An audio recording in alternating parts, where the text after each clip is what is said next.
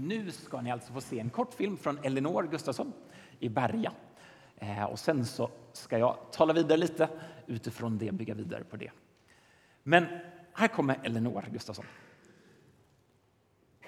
Hej, jag heter Elinor Gustafsson och jag leder Bergaplanteringen, en församlingsplantering som har funnits i fyra år i stadsdelen Berga och som har Ryttargårdskyrkan och Johanneskyrkan som sina moderförsamlingar. Vi berättar sällan om vårt arbete i offentliga gudstjänster och samlingar eh, på grund av säkerhetsskäl. Vi står ett väldigt pionjärt projekt där vi försöker nå en relativt onådd folkgrupp. Eh, men vill du veta mer så är det bara att höra av sig, bjuda in mig till sin cellgrupp till exempel eller komma på besök på någon av våra bönesamlingar. Varför blir man egentligen församlingsplanterare? Jag trodde länge att det är bara en speciell typ av människor som är väldigt utåtriktade, extroverta, som verkligen drivs av eh, att nå nya människor och är väldigt på när det gäller det. Jag har inte riktigt sett mig själv som en sån person. Eh, jag brinner för det här med andlig fördjupning, jag är relativt introvert. Eh, jag såg inte mig själv som församlingsplanterare och ändå har Gud då kallat mig till detta. Och jag har ofta frågat liksom, vad, Gud, hur tänkte du här? Vad håller jag på med egentligen? Och, och vad är en församlingsplanterare? Jag tror att Gud har kallat mig till detta, dels för att jag får ett välsignelse, eh, att jag kan få ha gåvor som jag inte trodde att jag hade. Men jag märker att det här är en, en lärjungaträning för mig. Det, är, det här är andlig fördjupning. Eh, jag får lära mig att älska människor, att be för människor, att tjäna människor. Och det får jag göra det jag måste göra för att kunna göra det, det är att söka Gud, att vara i bön.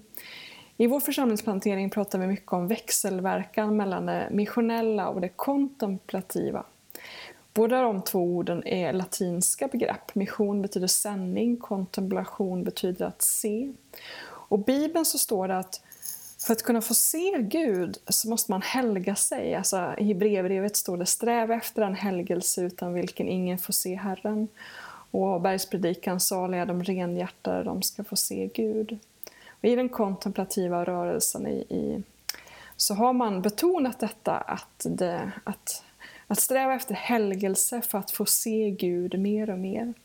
Men det finns också bibelord som handlar om att för att kunna bli helgad, för att kunna bli lik Jesus, så behöver man ägna sig åt kontemplation, att se. Till exempel Andra Korinthierbrevet 3 som talar om detta, att när vi ser Gud, eller när vi ser Kristus, så förvandlas vi till hans avbild. Det sker en slags växelverkan mellan de här två olika sakerna. För mission är ju helgelse. Helgelse är att bli lik Jesus och att göra missionella saker, att möta människor, betjäna människor, gå ut. Det är att bli lik Jesus, det är att helga sig. Ehm. Så när jag är missionell, då leder det till kontemplation. Och när jag ägnar mig åt kontemplation så leder det till något missionellt. Jag blir mer lik Jesus. Han som har ett hjärta för nya människor. Han som vill möta nya människor. Jag blir förvandlad av honom. De här två rörelserna behövs. Och när jag grubblade mycket över det här precis innan vi började, då var det en pionjärkonferens i Ryttargårdskyrkan, så var det en pastor och församlingsplanterare som sa detta att för oss måste inte motivet vara nya människor eller de förlorade. Eh, det är motivet för Jesus. Han vill att nya människor ska lära känna honom. Men för oss räcker det att motivet är Jesus. Att få komma närmare honom. Och det upplever jag att jag verkligen får göra som församlingsplanterare. Det här är en väldigt god skola som jag hoppas att fler ska få vara med om. Det här är ingen liksom överkursgrej utan det här är basic. Att få lära sig att följa Jesus. Och det önskar jag att du ska få upptäcka, att andra ska få upptäcka vilken källa till andlig fördjupning som det här, här livet är eh, i en församlingsplantering. Det, ja, det var inte riktigt som jag trodde. Eh, och jag får se vad jag säger om ett år, men det är läget just nu hos mig. Jag gör det här för min egen skull, för att bli berikad, fördjupad. Eh, och så hoppas jag också att andra människor blir välsignade genom det liv vi lever här i Berga. Fortsätt att be för oss eh, och med oss. Välkomna på våra bönesamlingar där vi får välsigna Berga och de människor som bor här som ännu inte känner honom. Allt gott och glad sommar!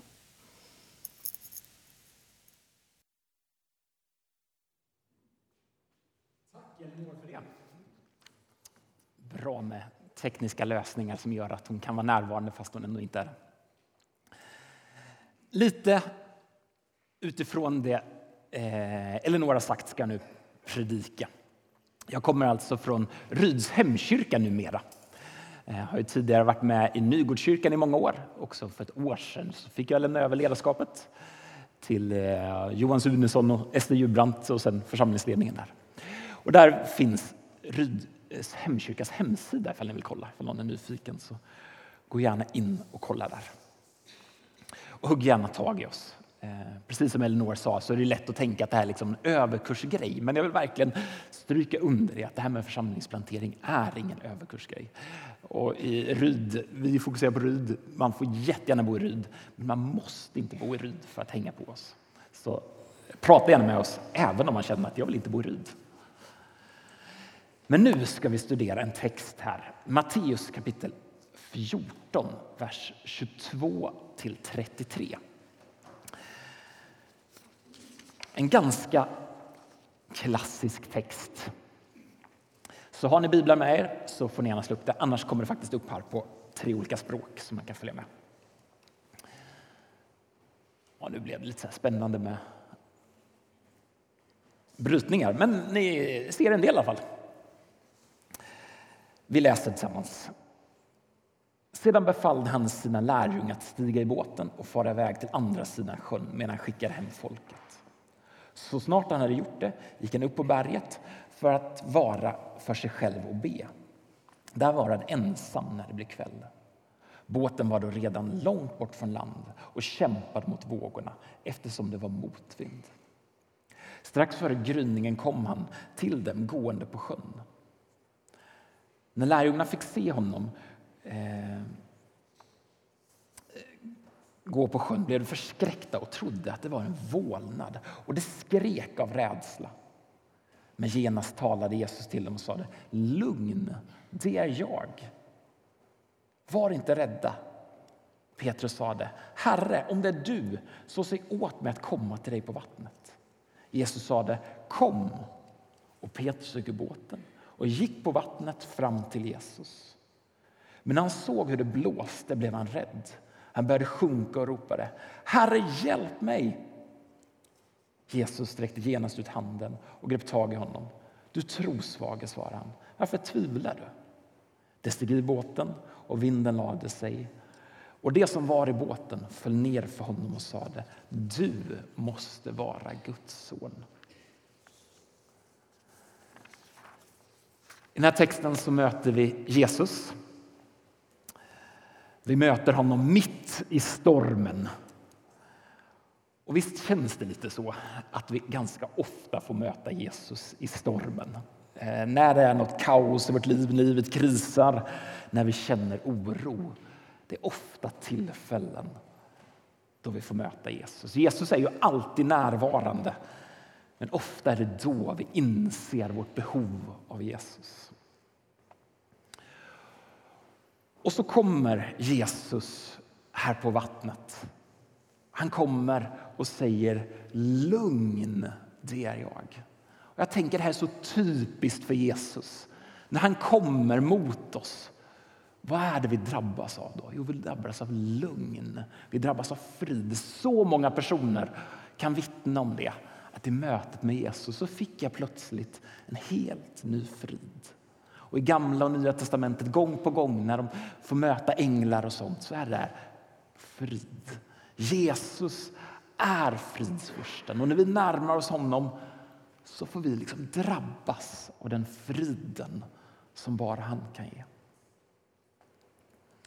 Men i den här texten så möter vi också en, inte bara Jesus utan lärjungarna och den där Petrus. En väldigt spännande personlighet. Vad hela världen gör han när Jesus kommer gående på vattnet? Jo, men han säger Jesus, får jag gå till dig? Så coolt, men också så otroligt galet. Vad tänker människan? Liksom? Eh, gå på Jesus i vattnet. Men han får göra det. Och I texten är det tydligt att Jesus aldrig tvingar Petrus att gå på vattnet. Han säger inte du måste komma till mig, utan Petrus frågar om han får göra det. Och Jesus säger ja visst, kom till mig om du vill. Jesus är en gentleman. Han tvingar sig aldrig på oss. Han tvingar oss inte att gå på vattnet. Han tvingar oss inte att lämna båten. Men han säger ett tydligt kom om vi vill komma till honom.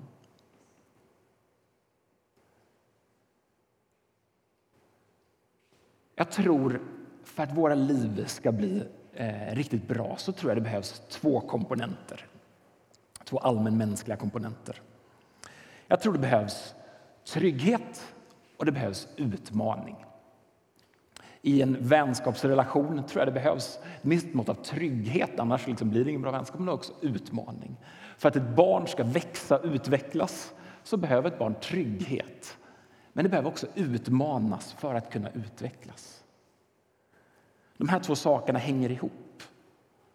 Och i vår relation med Jesus så tror jag vi behöver båda de här sakerna. Trygghet och utmaning. När Jesus kallar lärjungarna i Matteus 4.19, som står här, så säger han så här till dem. Kom och följ mig och jag ska göra er till människofiskare. Här finns både tryggheten och utmaningen. Tryggheten när Jesus säger kom. Kom, jag är fridsfursten. Kom, det är jag. Kom alla ni som är tyngda av bördor och jag ska skänka er vila. Den klassiska berättelsen om den förlorade sonen blir också väldigt tydligt. Hur sonen välkomnas tillbaka till tryggheten. Han blir upprättad. Och när vi får komma till Jesus, får uppleva, komma nära Gud, vi får se Gud. Det Elinor talar om som kontemplation.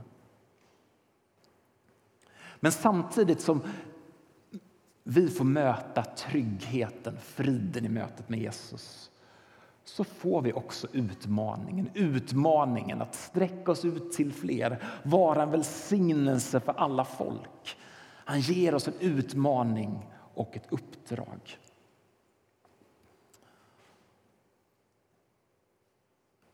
Här i början av texten som vi läste så står det hur Jesus dröjde sig kvar. Han gick upp på berget för att be. Och det här är otroligt viktigt för oss eh, kristna, för vårt andliga liv. Bön, bibelbedjan, eh, bibelläsning, tillbedjan, det bygger upp oss. Samtidigt så möter vi gång på gång eh, i Bibeln de här texterna där människor växer i sin tro av att ge ut. Till exempel när Jesus möter den samariska kvinnan i Johannes kapitel 4 så säger han så här. Jag har mat att äta som ni inte känner till. Min mat är att göra hans vilja som har sänt mig. Vi byggs upp genom bön, bibelläsning, tillben och så vidare. Men vi växer också i vår tro när vi får dela med oss av det vi har. När vi får leva som sända Det bygger upp oss på ett sätt som gudstjänster och egen tid inte kan göra. Även om det självklart behövs också. Både trygghet och utmaning behövs. Bibelläsning, bön, evangelisation, allt det där behövs för att vi ska må bra och växa. Men jag tror att vi ibland som kyrka ibland betonar det här med tryggheten lite mer en del, någon har kallat svenskarna för trygghetsnarkomaner. Utifrån det blir det lätt för oss att och ibland överbetona budskapet om tröst och trygghet. Det är ju helt sant, men det är ju bara ena sidan av myntet. Och blir det det enda vi kommunicerar, det enda vi lever ut så blir Gud för liten och vi växer inte på det sättet som jag tror vi har möjlighet att göra. Precis som jag sa innan så kommer Jesus inte tvinga oss ur båten. Han tvingar inte Petrus, han tvingar oss inte ur vår trygghet. Men till alla som vill säger han kom. Kom och gå med, mig, säger Jesus, även om din tro inte är så stark. Och Jag har gång på gång fått uppleva det, att jag kanske inte haft så mycket tro men ändå sträckt mig ut på olika sätt. Och jag har vuxit genom det. Jag har fått möta Gud genom det. Så jag vill verkligen uppmuntra er att på olika sätt våga ta steg i tro. För några veckor sedan så eh, anlade vi en sandlåda, eller anlade kanske det låter så märkvärdigt, men vi, vi snickrade ihop en sandlåda, skruvade ihop en sandlåda och hämtade sand vid ett grusdag. Och Folke, min son här, min, han fick hänga med mig. Han fick vara hemma från förskolan och han hade sin lilla skottkärra där. Det här är taget lite senare. Eh, och så körde han med sin sandar. Och en del kom i sandlådan, en del kom utanför. Eh, men efteråt när vi eh, liksom var färdiga med det där så, så sa han till mig så jättestolt. Pappa, det tänkte du inte va? Att jag skulle vara till sån hjälp idag. Och han var liksom så tacksam över det här. Jag tänker det här speglar lite av Gud och oss. Vi kan ibland ta oss själva på väldigt stort allvar och se att vi är så viktiga. Men egentligen så behöver eller Gud är inte så beroende av oss. Han har gjort sig beroende av oss ur ett perspektiv. Men han är den som bygger sitt rike. Han kan göra oändligt mycket mer. Han är ur ett perspektiv inte beroende av oss. På samma sätt som jag egentligen inte behövde Folke för att köra den där sanden. Men han fick vara med. Han fick ha en skön stund. Jag, hade en, eh, ja, jag var glad att få göra det tillsammans med honom. Han var stolt, han fick känna sig delaktig. Och när vi får hänga på Jesus i det han gör så är det inte för att han måste ha med oss, för han står och tvingar oss utan för att han säger men häng på och så får vi göra det tillsammans och vi får växa i det.